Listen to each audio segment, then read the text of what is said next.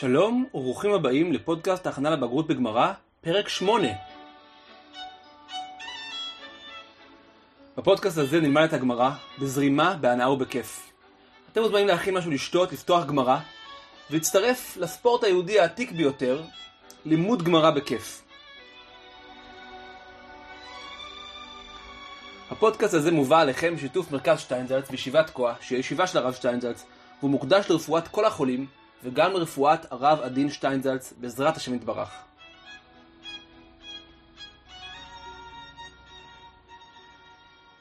טוב, אמ, דבר ראשון, חשוב לי מאוד שתדעו שהפודקאסט שלנו אפשר למצוא אותו גם בוואטסאפ, בקבוצה, גם בטלגרם וגם אנחנו עכשיו גם בספוטיפיי. אה, תחפשו ישיבת תקוע בספוטיפיי ותוכלו למצוא אותנו ואת כל השיעורים הקודמים, אנחנו קוראים בפרק 8 ואנחנו מתקדמים. היום אנחנו נלמד מדף נ"ט עמוד ב' במילים השולח את הבעירה ועד דף ס' עמוד א' במילים גרמה בנזקים פטור.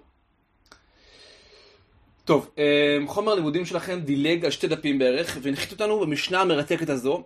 קשה לי להסביר לכם עד כמה אני סולד מהקפיצות ודילוגים בלימוד גמרא. ככה לא קוראים ספר וככה לא חושבים על ספר. צריך לקרוא מילה אחרי מילה, שורה אחרי שורה, דף אחרי דף. רק ככה אפשר באמת להיכנס לסיפור ולקרוא אותו בנשימה עצורה. Anyway, בכל מקרה, היום אנחנו נקרא אה, משנה ואת הגמרא שעליה. אנחנו בעצם עוברים לדבר על נזקי אש. אש הוא אחד מאבות הנזקים, ויש לו כללים והגדרות לאיך שהוא עובד. כן, איך בדיוק מגדירים נזק של אש, איך זה עובד, מתי אני חייב, מתי אני פטור. הרעיון הבסיסי הוא שאדם שמדליק אש, נהיה חייב על הנזקים שהאש ת, אה, תגרום, שהאש עושה. ברגע שאני מדליק אש, אה, בדרך כלל, אני הופך להיות אחראי על כל נזקים שהאש הזאת אה, תייצר. כאן המשנה דנה בשאלות שבודקות מתי אני נעשה אחראי על נזקי האש ומתי לא. אז בואו נתחיל. אה, דרך אגב, אם אתם שומעים אה, רעשים של כלבים או מטוסים או מסוקים, אני ממש מתנצל, אני מקליט פה בבית ויש פה המון המון הפרעות והמון רעשים. אין לי פה איזה ציוד אה, הפקה מטורף, אז אם יש הפרעות אני נורא נורא מתנצל. סליחה ומחילה. טוב, מתחילים. משנה. השולח את הבעירה ביד חירש שוטה וקטן, פטור בדיני אדם וחייב בדיני שמיים. אדם שולח את הבעירה. מה זה שולח את הבעירה? נותן אש בידיים של חירש, שוטה או קטן. חירש זה, בזמן של המשנה, זה אדם שבאמת לא, לא מדבר ולא שומע, בן אדם שלגמרי אה, לא, לא יכול לתקשר, אדם שאין לו דעת, גם שוטה, גם קטן. שלושה סוגים של אנשים שמוגדרים בתור אנשים שאין בהם דעת, אין להם אחריות על מעשיהם. וכמובן, אחרי שהבאתם להם את האש, נגרם נזק. האש התפשטה והעיירה נשרפה. גוואלד, העיירה נשרפה. הדין הוא שאותו אדם שמסר את האש, פטור בדיני אדם וחייב בדיני שמיים. הוא פטור בדיני אדם, כי בסופו של דבר, הוא לא הבעיר את העיירה. הוא רק גרם בעקיפין לשרפה. אני לא בפועל הדלקתי, אני רק הבאתי את האש לשוטי העיירה, או לחירש העיירה, או סתם לילד קטן. על גרימה כזאת התורה לא מחייבת. אבל כמובן שמבחינה מוסרית, האדם הזה הוא אשם, ולכן בדיני שמיים, הוא יאכל אותה. כבר דיברנו על דיני שמיים, שיש דיני שמיים, ושם מחייבים על דברים שגם, שפה למטה אנחנו לא, לא, לא יכולים לחייב. ממשיכה המשנה ואומרת, שלח ביד פיקח, הפיקח חייב. אם אני שולח אש בידיים של פיקח, כלומר, אדם נורמלי, שהוא לא חירש יותר וקטן, יש בו דעת, אז הפיקח נהיה חייב. ברגע שהאש מגיעה לידיים שלו, אז הוא נעשה אחראי לכל נזק שהתרחש. הוא לא יוכל להאשים אותי שאני הבאתי לו את האש, משום שהוא יצור אחראי, הוא יצור אוטונומי, הוא אחראי למעשיו, לא משנה מה הבאתי לו, מה אמרתי לו לעשות, אין שליח לדבר עבירה. אמרתי לך לשרוף את העיירה, זה יפה מאוד, אבל אתה אחראי למעשיך בגלל שאתה בן אדם בר דעת, יצור תבוני. טוב, עד כאן דינים שקשורים לשליחה, לש... אה, אה, אה, אדם ששולח בעירה על ידי אדם נוסף. ואמרנו, אם השליח הוא בר דעת, אז הוא הופך להיות אחראי, אם השליח לא בר דעת, אז אני הופך להיות אשם בדיני שמיים, אבל פטור בדיני אדם. כעת נעבור לדיון נוסף במשנה. אחד הביא את האור ואחד הביא את העצים, המביא את העצים חייב. אחד הביא את העצים ואחד הביא את האור, המביא את האור חייב. כן, מה קורה אם השרפה הזו היא מיזם משותף? חברותה. שני אנשים חוברים יחד על מנת לייצר שרפה. מי יהיה חייב? כן, אחד הביא את האש, אחד הביא את העצים, מי יהיה חייב? אז המשנה אומרת, אחד הביא את האש ואחד הביא את העצים, זה שהביא את העצים חייב. אחד הביא את העצים ואחד הביא את האש, זה שהביא את האש חייב. מה הנקודה? הנקודה היא שלא משנה מתי היהודי של העצים או היהודי של האש, מה שמשנה כאן זה מי היה האחרון. כלומר, מי היהודי שבזכות התרומה שלו, בזכות, כן? בזכות התרומה שלו, האש מתחילה לבעור. מי הבן אדם שכאילו שם את הדבר שבגללו התחילה השרפה. אם אני מביא עצים, וואלה, לא קורה שום דבר. מגיע הבן אדם עם האש, מייצר את האש. אני מביא אש, לא קורה שום דבר. בא בן אדם עם עצים ומתחיל העסק. אז תמיד האחרון יהיה חייב, כי הוא זה שבעצם מייצר את הדבר הזה שנקרא שריפה. עכשיו במשנה יש דיון נוסף על עניין ליבוי, ליבוי של האש, שהוא המשך של הדיון הקודם, כן? אש, כמו שכל מי שעשה מנגל בחיים שלו יודע, אש לא מתפשטת לבד, היא צריכה ליבוי, היא צריכה אוויר כדי לבעור והיא צריכה רוח כדי להתפשט, כן? צריך לנפנף. אז המשנה אומרת, בא אחר וליבה, המלבה חייב, ליבתה הרוח, כולם פטורים. לדוגמה, אחרי שברל הביא את העצים, זונדל הביא את האש, אבל גצל, גצל ליבה, גצל נפנף. גצל נפנף עם קרטון ועשה פו, פו, כן? מי חייב? זונדל, גצל, ברל, מי חייב? כמובן שגצל חייב, כי גצל הוא זה שבסופו של יום אחראי לשרפה. הוא האחרון בשרשרת של הפירומנים, שגרם לכל העיירה לבעור. לכן הוא יהיה חייב, כי הוא ליבה, הוא, הוא האחרון. ליבתה הרוח, אומרת המשנה, מה קורה אם אף אחד לא ליבה, מי שליבה זה הרוח, באה הרוח וליבתה והאש התפשטה, אז מדהים, כולם פטורים. ברל, זונדל, כולם פטורים. למה? כי הרוח ליבתה. זה דין די מדהים, וגם, אני מוכרח לומר, גם די מקומם. כלומר, אני הדלקתי אש, באה רוח והאש התפשטה, שרפה שדה או בית או משהו, אני פטור. למה שאני אהיה פטור? כן? יש לזה דיונים, יש פה ראשונים שהסבירו שזה רק ברוח לא מצויה, שלא יכולתי לקחת אותה בחשבון, אבל יש גם כאלה שמתעקשים ומסבירים כאן שכן, אדם מהתורה פטור על שרפה שמתפשטת על ידי הרוח. אני חייב על שרפה שאני בעצמי עושה אותה. אני חייב על נזקים שאני בעצמי עושה. אם יש עוד כוח שמעורב בזה וגורם לזה להתרחש, אני נהיה פטור. עד כאן המשנה, יש כאן המון שאלות, המון מקום לחשוב, אבל אין לנו זמן, אנחנו רצים לגמרא. בואו נתחיל, בואו נתקדם. גמרא.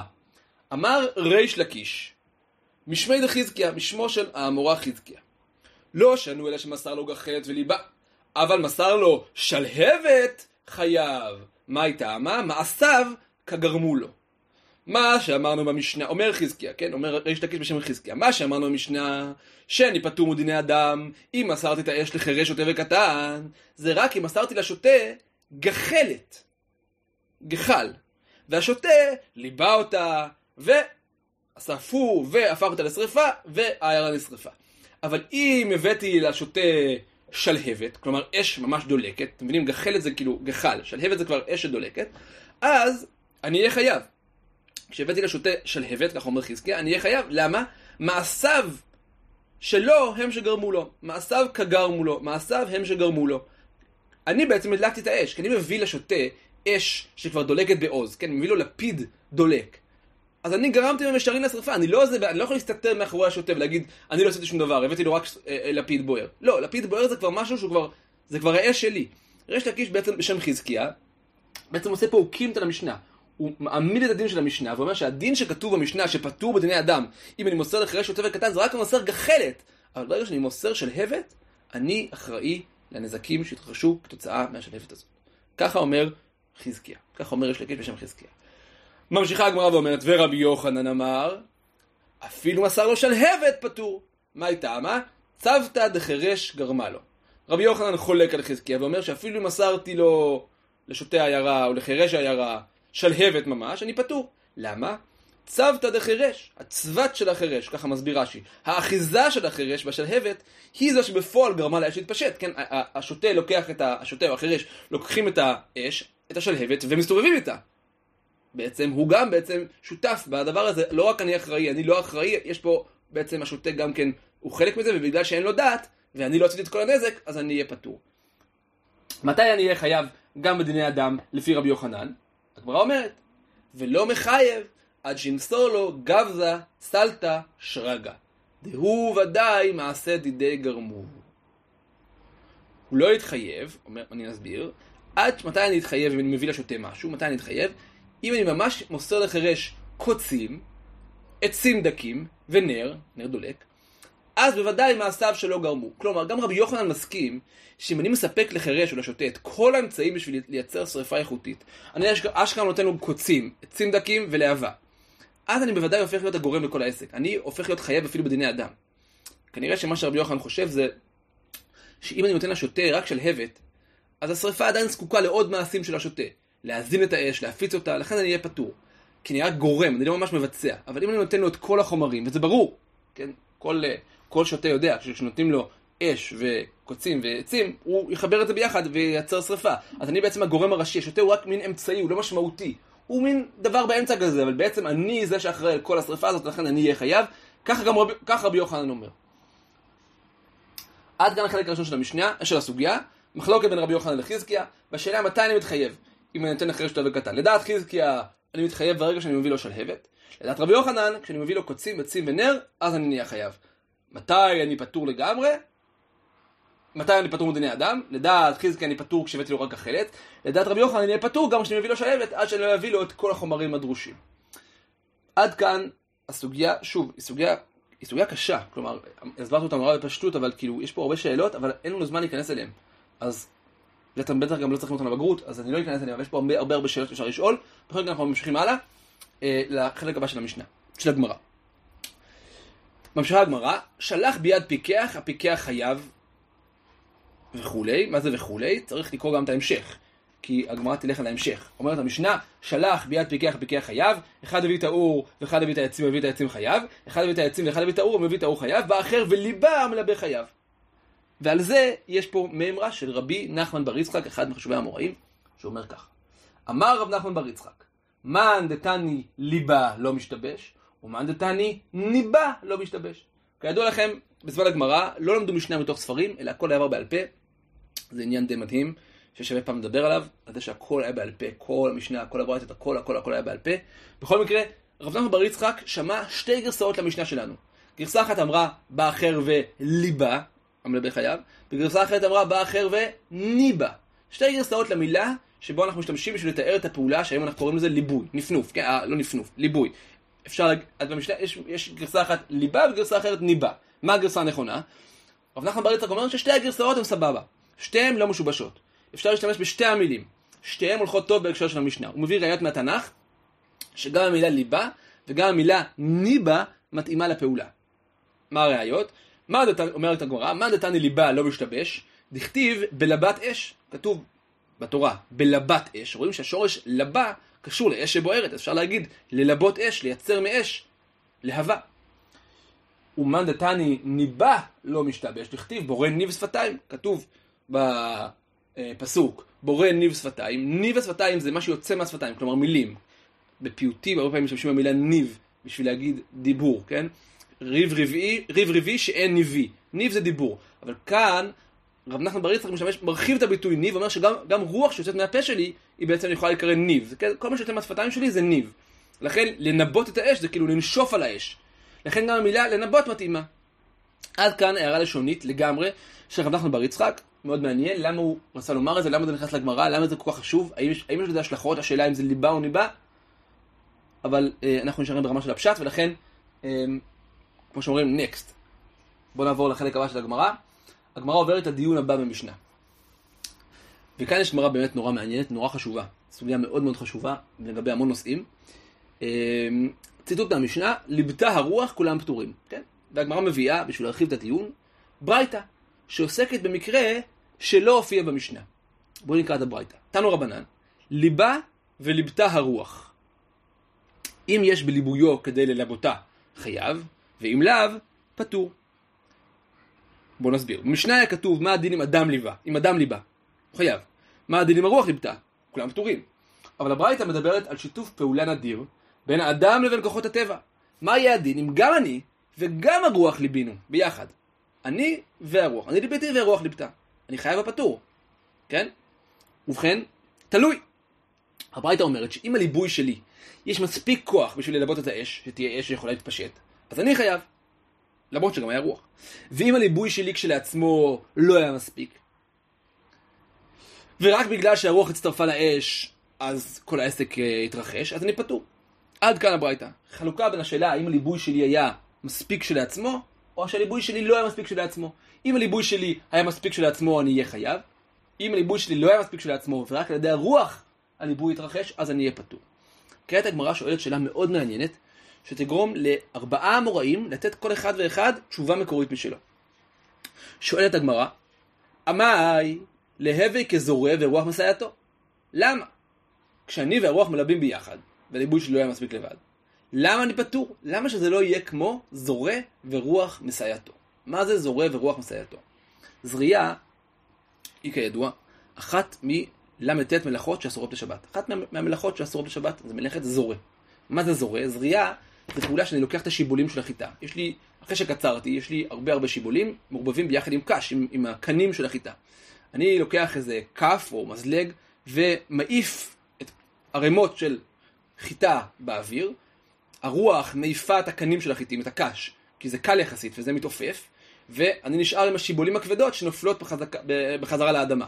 כן? מין טכניקה כזאת שאני אה, משתמש ברוח בשביל להפריד בין השיבולים לקש.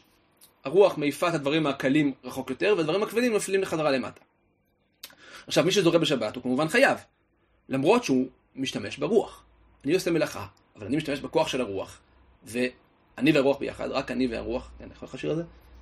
אני והרוח, ובלי אה, הרוח כל העסק הזה לא יעבוד, ועדיין, מה הדין שאני אהיה חייב? אני אהיה חייב. אז זה בדיוק מה שהגמרא שואלת. אם בהלכות שבת, פעולה שלי שנעזרת ברוח, נחשבת פעולה, שאני עשיתי, אני אהיה חייב. אז למה בהלכות נזקי אש, כשפעולת הליבוי שלי מצטרפת לליבוי של הרוח, למה שזה לא ייחשב גם לפעולה שלי, ואני אהיה חייב? מה זה משנה אם עשיתי ליבוי שיכול להיות לבד או לא יכול להיות לבד? גם אם הליבוי שלי הוא רק עושה חצי מהעבודה. אני יחד עם הרוח, נתנו פה עבודה, כמו שבשבת זה נחשב חייב, נחשב שעשיתי מלאכה, גם בנזקים זה ייחשב שעשיתי נזק. זו שאלה מעולה וגם שאלה מאוד עמוקה, היא בודקת דברים נורא נורא יסודיים פה בעסק. היא בודקת את השאלה, מה נחשב פעולה שאני בעצמי עושה? אם אני עושה משהו ביחד עם רוח, האם זה פעולה שלי או לא פעולה שלי? בשבת אנחנו רואים שזה נחשב פעולה שלי, עשיתי מלאכה. האם אותו דבר זה יהיה גם בנזקים? לשאלה הזו יש בגמרא ארבע תשובות, מגדולי האמוראים, אביי, רבא, רב זיירא ורב אשי, כל אחד מהם ייתן תשובה אחרת להסביר את ההבדל בין המקרה של זורע למקרה של ליבוי שלי יחד עם האש. אמר אביי, הכה במה יעסקינן, כאן במה אנחנו עוסקים, כלומר בברייתא הזאת במה אנחנו עוסקים, כגון שליבה מצד אחד, וליבתו הרוח מצד אחר. מכוח הקושייה, מכוח השאלה שלנו, אביי נדחק ומצמצם את הדין של הברייתא למקרה נורא נורא מסוים. והוא אומר כך, מה שכתוב בברייתא, שאני פטור, אם אני מלבב וגם הרוח ליבתה, זה רק במקרה אם אני ליביתי לצד אחד, כאילו נשפתי לצד אחד של האש, והרוח באה לצד השני בכלל. יוצא שמה שאני עשיתי בכלל לא השפיע. זה לא שיתוף פעולה ביני לבין הרוח, זה אני נגד הרוח. לכן אני לא כמו זורה, זורה הוא עושה שימוש יחד עם, עם הרוח, הוא בסימביוזה, הוא בשיתוף פעולה עם הרוח. כאן אני בעצם הליבוי שלי לא עשה שום דבר, אני ליביתי לצד אחד, אבל בפועל הרוח הלכה לכיוון השני, וזה מה שבפועל ליבה את האש, אז הליבוי שלי לא, לא נחשב כלום. ולכן אני אהיה פטור לגמרי. זה מה שהבאי אומר, הסבר נורא אה, אה, דחוק, הוא בעצם מסביר את, המש... את הברייתא שלנו במקרה, רק במקרה נורא מסוים של צד אחד וצד שני, אבל אם זה, אם זה יהיה אני והרוח ביחד, משני, מאותו צד, יגיד אביי, מה יגיד אביי? יגיד אביי, אני אהיה חייב, כמו בזורע. כל הסיבה שאני פטור זה שבעצם הליבוי שלי לא היה משמעותי. רבא אמר, רבא יש לו תירוץ אחר לגמרי. כגון שליבה ברוח מצויה, וליבתו הרוח, וליבתו הרוח ברוח שאינה מצויה. רבא גם מצמצם את הדין למקרה מסוים, ומסביר שמדובר בברייתא שהוא ליבה במחשבה להצטרף לרוח מצויה, רוח שגרתית. אבל אז באה רוח לא מצויה, רוח חזקה באופן נדיר, ורק הרוח הזאת גרמה לאש להתפשט. לכן אני פטור. בניגוד לזריעה בשבת שאני בונה על רוח מצויה, וזה בדיוק מה שקורה. כאן היה עסק שהתרחש בגלל רוח לא מצויה. רבא נכנס לשאלה אחרת לגמרי, בניגוד לאביי, הוא שואל את השאלה, בעצם, האם הרוח הזאת הייתה, אה, בניתי עליה או לא בניתי עליה? בגלל שאני התכוונתי ללבות, ואני בונה על אש מתפשטת עם רוח מצויה, כן, רוח רגילה שמנשבת. הגיעה רוח לא מצויה, בעצם הליבוי שלי כבר לא משמעותי, הרוח הלא מצויה היא זאת שגרמה את כל האש, לכן אני פטור. זה הרעיון של רבא. רב זיירה אמר, כגון דצמרה צמורי. רב זיירה, כמו אביי ורבא, גם כן מצמצם את הדין של הברייתא למקרה מסוים, למקרה ספציפי. הוא מסביר שמדובר שהוא בכלל לא ליבה כמו שצריך. הוא רק נשף קצת בקטנה, כן, הוא עשה את זה, רש"י אומר, הוא ניפח ולא נשף, הוא, הוא אה, איך רש"י אומר? דקה, אני קורא לכם, הוא אומר, אה, צמרה צמורי, לשון איש תצמירתא, כלומר, לא נפח ממש, אלא בנשימה, כדרך המחמם בנשימתו את ידיו, כזה. כזה. זה לא באמת ליבוי. אם הוא היה באמת מלבה יחד עם הרוח, אז הוא היה חייב, כמו זריעה. אלא מה? הליבוי שלו היה חסר משמעות באופן קיצוני, הוא באמת לא עשה כלום. לכן זה לא נחשב שהוא ליבה את האש. אם באמת הוא יצטרף לאש, אם, ל, לרוח, אם באמת הוא יצטרף אה, לרוח וילבה באופן רציני, באופן משמעותי, אפילו אם הוא לא עושה את הכל, הוא יהיה חייב. אבל פה מדובר שהוא לא עשה את זה. מה שמשותף גם לאביי, גם לרב וגם לרב זירא, שהם כולם מסכימים שאם אני בפועל מלבה ומצטרף לרוח, והרוח הזאת היא רוח מצויה, רוח רגילה, ואני מצטרף אליה, אז אני אהיה חייב. כמו בזורע.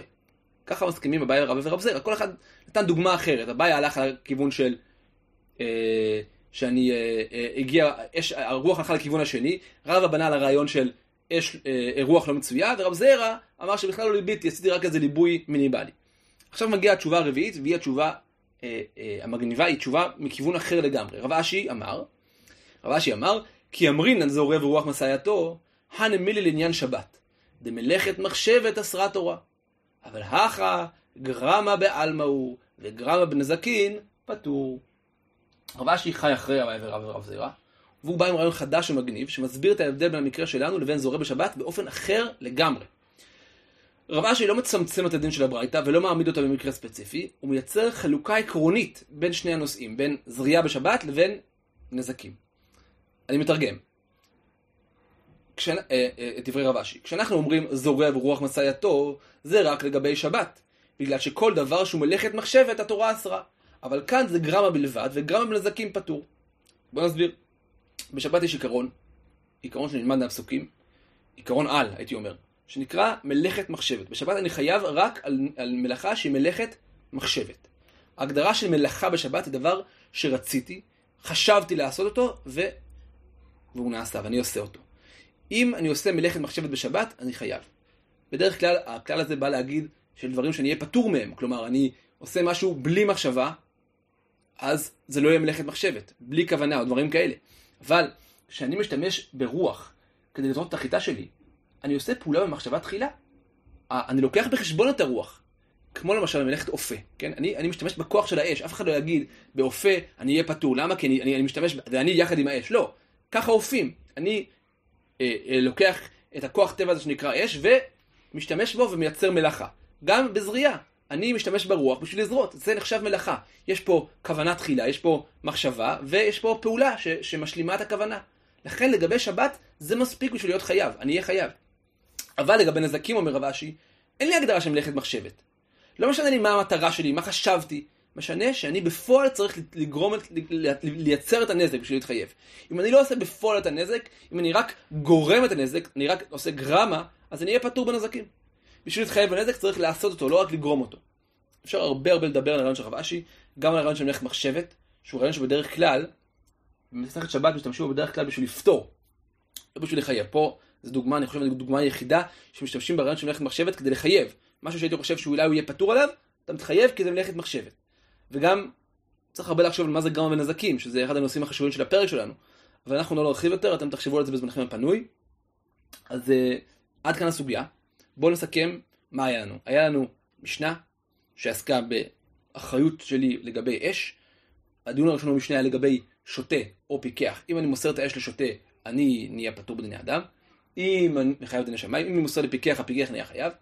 על זה הגמרא דנה והביאה מחלוקת של רבי יוחנן וחזקיה בשאלה מה הבאתי לשוטה? האם הבאתי לו גחלת, או הבאתי לו... אה, אם הבאתי לו שלהבת, אה, גחלת, ולפי חזקיה, אם הבאתי לו שלהבת אני אהיה חייב, לפי רבי יוחנן, גם שלהבת אני אהיה פטור, אני אהיה חייב רק אם הבאתי לו את כל הדברים שהוא צריך בשביל לייצר את האש. אחרי זה היה הערה לשונית בגמרא אה, לגבי ליבוי, לגבי הדיון העקרוני במשנה, ש... השני במשנה, לגבי אה, השאלה של אני מצטרף לעוד מישהו, לא היה דיון בגמרא לגבי אחד הביא את העצים, אחד הביא את האש, על זה הגמרא לא דיברה, אבל לגבי הליבוי, הליבוי של הרוח, הגמרא הביאה ברייתא שמדברת על אני מלבה וגם הרוח מלבה, ועושה השוואה בין זה לבין זריעה בשבת, וארבעה תירוצים של המוראים. תירוץ של אביי אומר, אני ליביתי לצד אחד, הרוח ליבתה לכיוון שני. תירוץ של אה, רבא אומר, אני בניתי לרוח מצויה, אבל באה רוח לא מצויה. תירוץ של רב זרע שאומר, אני בכלל לא ליביתי, עשיתי רק איזו פעולה בסיסית מאוד של ליבוי, שהיא אפילו לא נחשבת ליבוי. תירוץ רביעי של רב אשי שאומר, יש הבדל בין שבת לבין נזקים. בשבת, מה שיקבע לי אם עשיתי משהו, זה אם עשיתי מלאכת מחשבת. בנזקים מה שיקבע לי, זה אם אני בעצמי עשיתי את כל הנזק, ואם זה לא גרמה. ופה זה ייחשב כמו גרמה, כי הרוח בעצם אה, אה, אחראית על חלק לפחות מהליבוי של האש, ולכן אני אהיה פטור. עד כאן הסוגיה, מקווה שנהנתם. אה, נתראה בפרק הבא, ועד אז תהיו ברוכים.